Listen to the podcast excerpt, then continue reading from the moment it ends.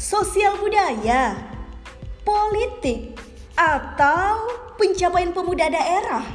Semua akan bercerita di dalam cerita Batang Hari.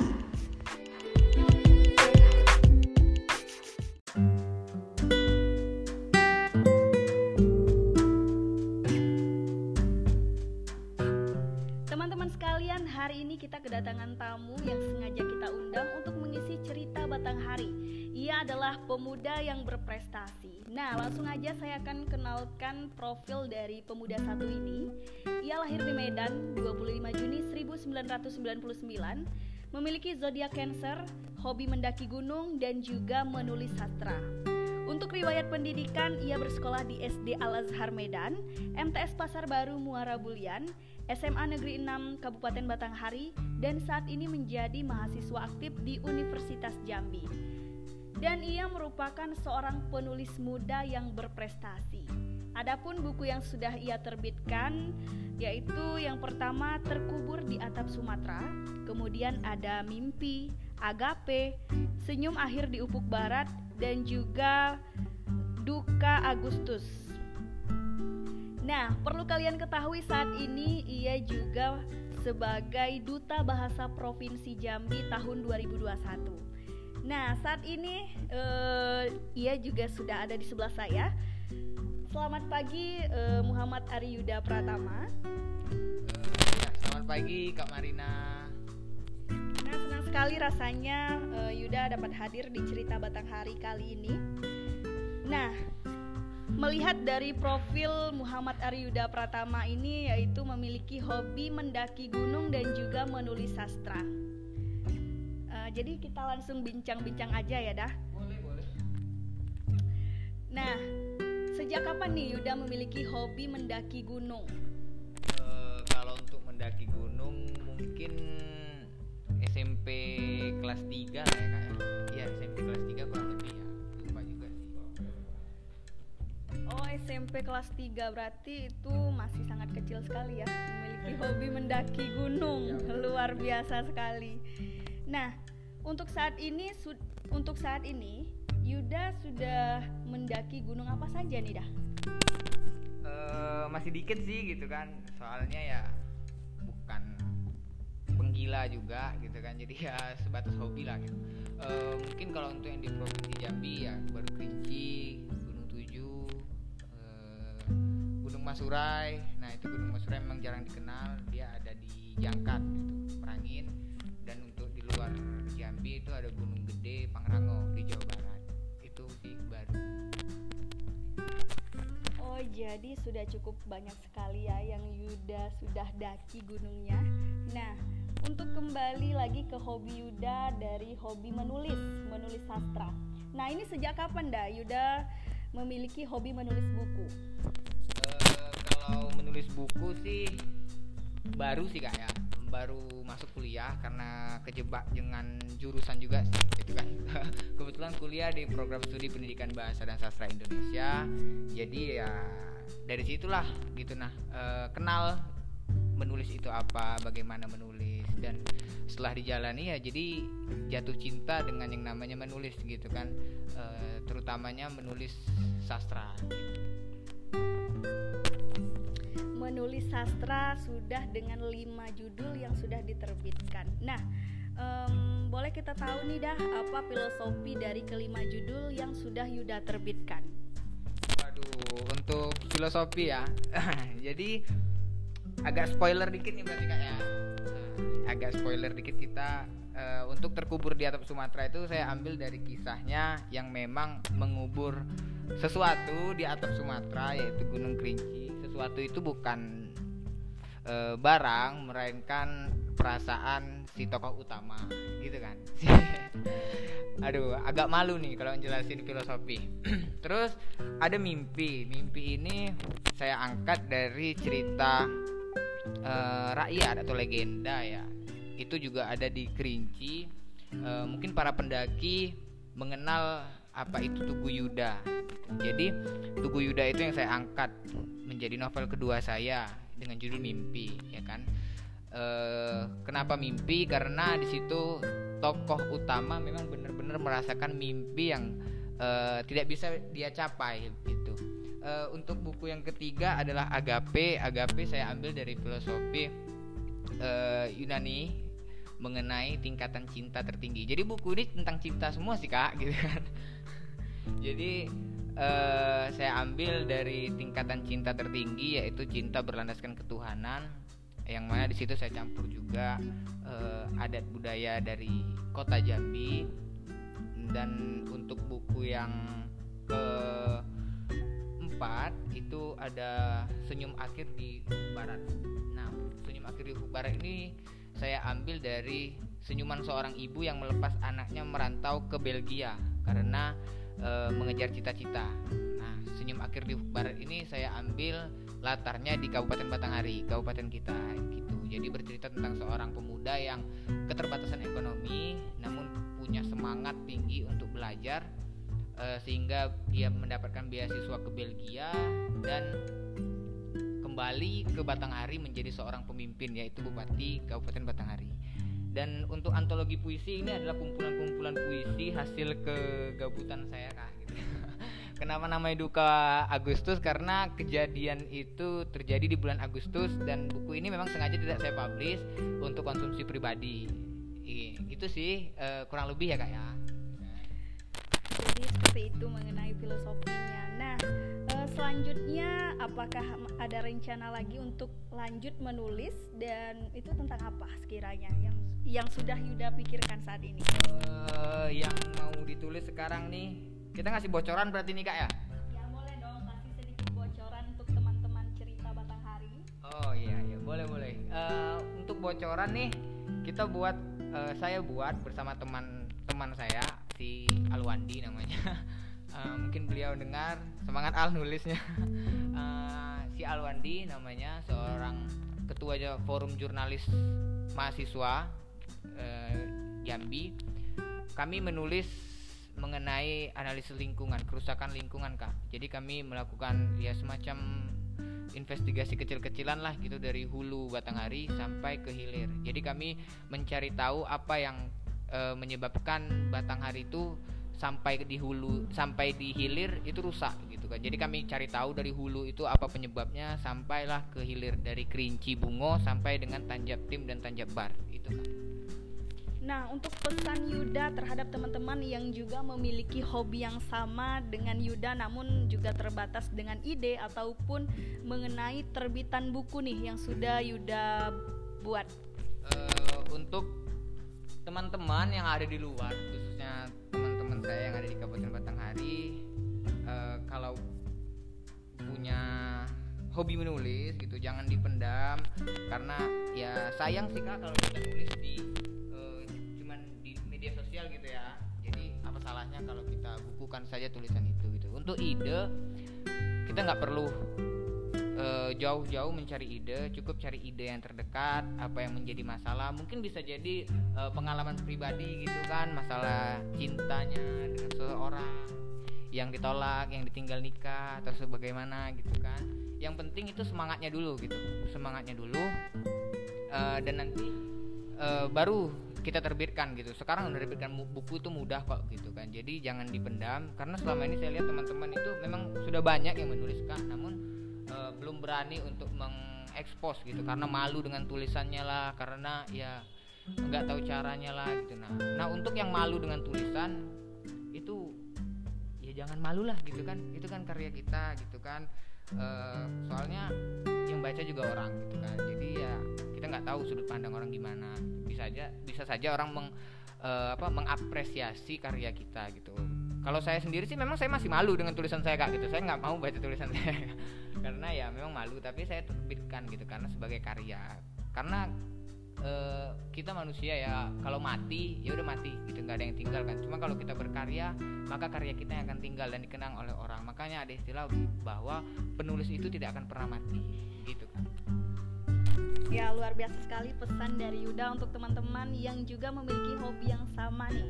Nah, um, untuk hambatan dari menulis sastra ini apa aja dah yang sudah Yuda lalui? Oh, cerita mengenai hambatan ya. Uh, untuk hambatan mungkin lebih ke alat ya kak ya uh, soalnya saya nulis itu cuman mengandalkan uh, salah satu aplikasi di smartphone gitu kan di handphone jadi di situ saya menulis semuanya saya tulis di situ saya edit di situ. Uh, untuk proses akhir editing naskah dan lain sebagainya itu baru saya minjem laptop teman gitu. Karena memang saya menulis dengan keterbatasan gitu kan. Kita buka di sini gitu. Saya menulis dengan keterbatasan saya tidak punya alat yang memadai cuman mengandalkan HP saya bisa menerbitkan lima buku gitu. Yang saya banggakan bukanlah bukunya melainkan proses saya menulis gitu. Kalau orang-orang melihat saya uh, wah hebat udah keluar lima buku dan sebagainya. Cuma mereka nggak tahu penderitaan saya nulis di belakang gimana gitu. Yang keadaan HP yang ngelek lah keadaan HP yang kadang non respon dan lain sebagainya itu sudah saya alami gitu. Jadi cuma mengandalkan gawai lah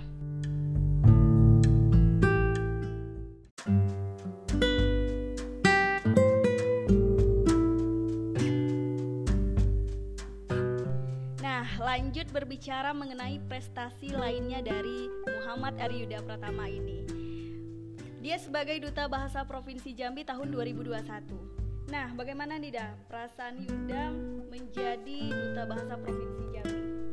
Uh, perasaan, perasaan tentunya senang gak ya? ya bisa uh, bisa berkontribusi uh, menjadi apa ya? Uh, menjadi jembatan lah gitu dalam perbaikan uh, penggunaan bahasa Indonesia dan kemajuan bahasa Indonesia di negara kita kalau bisa di sampai keluar keluar negara gitu kan. Uh, itu sih. Jadi perasaannya itu ya bisa berkontribusi lah intinya kan. Iya, iya. nah untuk uh, tahapan atau proses Yuda bisa menjadi uh, untuk tahapan itu panjang kak gitu kan. Dari pendaftaran online itu iseng-iseng sih gitu kan. Bisa dibilang iseng-iseng iseng-iseng berhadiah. Uh, terus tembus nih pendaftaran online lolos gitu kan. Terus masuklah ke tahap uh, Santi Aji. Santi Aji itu sejenis pembekalan pembekalan. Uh, tapi sebelum pembekalan itu ada UKBI namanya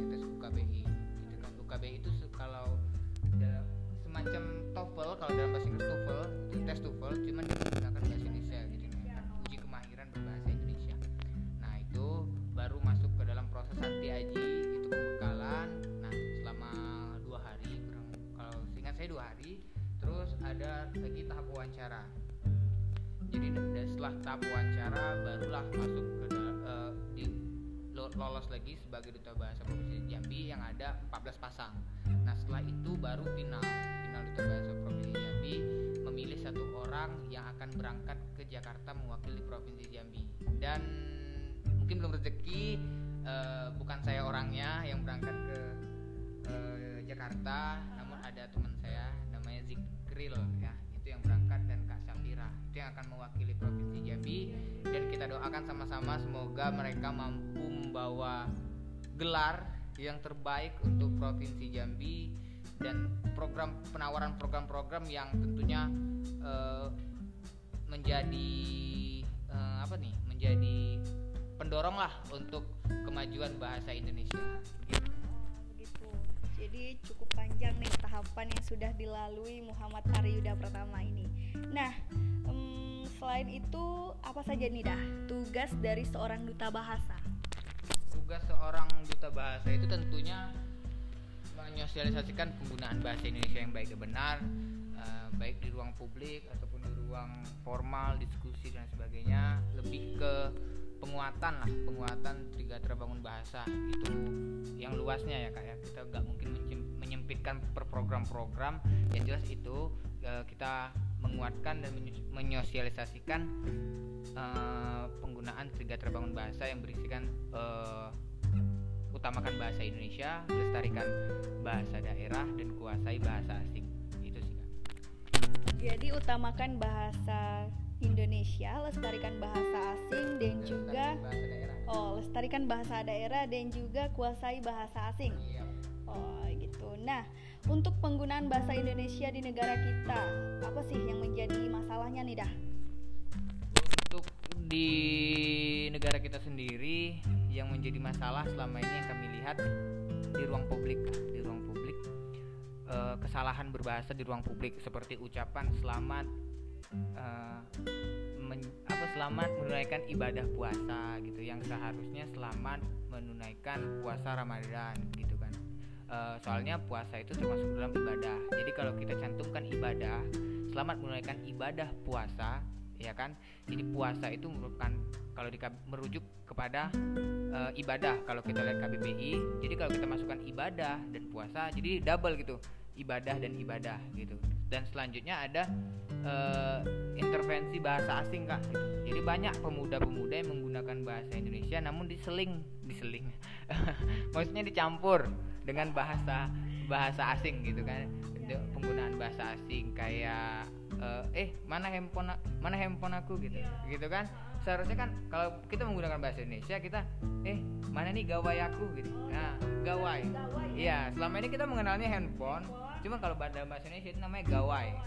Nah terus uh, banyak lagi nih mengenai hmm, ya banyak lah macam campur-campur bahasa asing yang masuk ke pergaulan. Itu sih yang susah dirubah kan karena sekarang juga kita dalam kebebasan informasi ya gitu kan era global. Jadi ya susah itu untuk ditangani tapi percayalah kita akan ubah itu pelan-pelan step by step.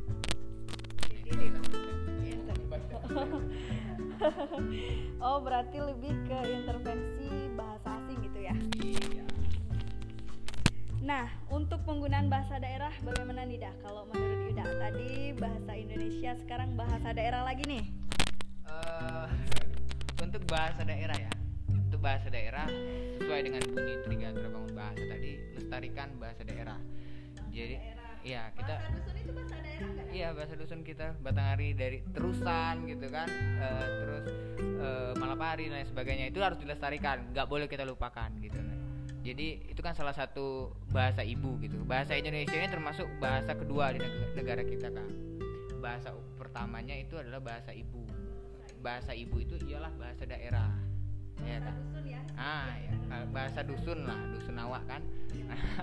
Itu harus kita lestarikan gitu kan banyak orang yang ketik dari dusun nih dari desa main ke kota dia malu berkomunikasi karena terbawa dialek dusunnya tadi gitu dialek desanya tadi gitu. Misalnya kakak dari terusan main ke Jakarta berkomunikasi dengan orang Jakarta. orang Jakarta kakak bakal malu gitu. Banyak yang terjadi entahlah kalau dengan kakak gitu kan. Banyak yang malu karena terbawa dialek uh, eh eh, eh kalau gitu eh lu nak ke mana?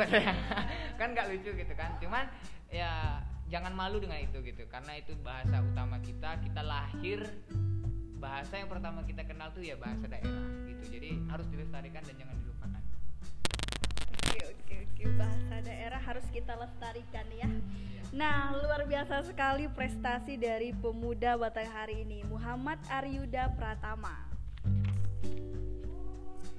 Nah, boleh dong Yuda kasih kata penutup atau motivasi buat teman-teman di luar sana.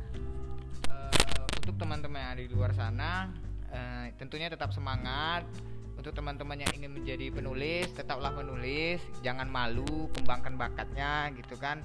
Uh, untuk teman-teman yang bingung mencurahkan hatinya, mencurahkan hati, ya mencurahkan kegundahan hatinya, boleh nih saya tawarkan untuk menulis gitu. Karena ketika mulut lelah untuk berkata gitu kan di situlah aksara bermain dan berdansa gitu kan. Maksudnya itu uh, aksara lah yang menyampaikan kegundahan hati kita kepada orang-orang gitu. Nah untuk teman-teman lainnya ya tetap semangat berkaryalah hasilkan karya yang terbaik sesuai dengan bidang dan kemampuan karena itu uh, mendorong hmm, apa ya mendorong pembangunan daerah juga ya kak ya. Pembangunan pembangunan daerah juga dari segi sumber daya manusia sumber daya pemudanya gitu kan. Jadi ya jangan malu lah intinya gitu. Sekarang karena sekarang nih banyak yang malu sih gitu. Belum mulai udah malu udah udah pesimis gitu. Jangan dulu. Terima aja dulu semuanya masalah bisa atau enggaknya nanti kita lihat di depan gitu. Yang penting kita jalani dengan semangat dan optimis itu aja sih.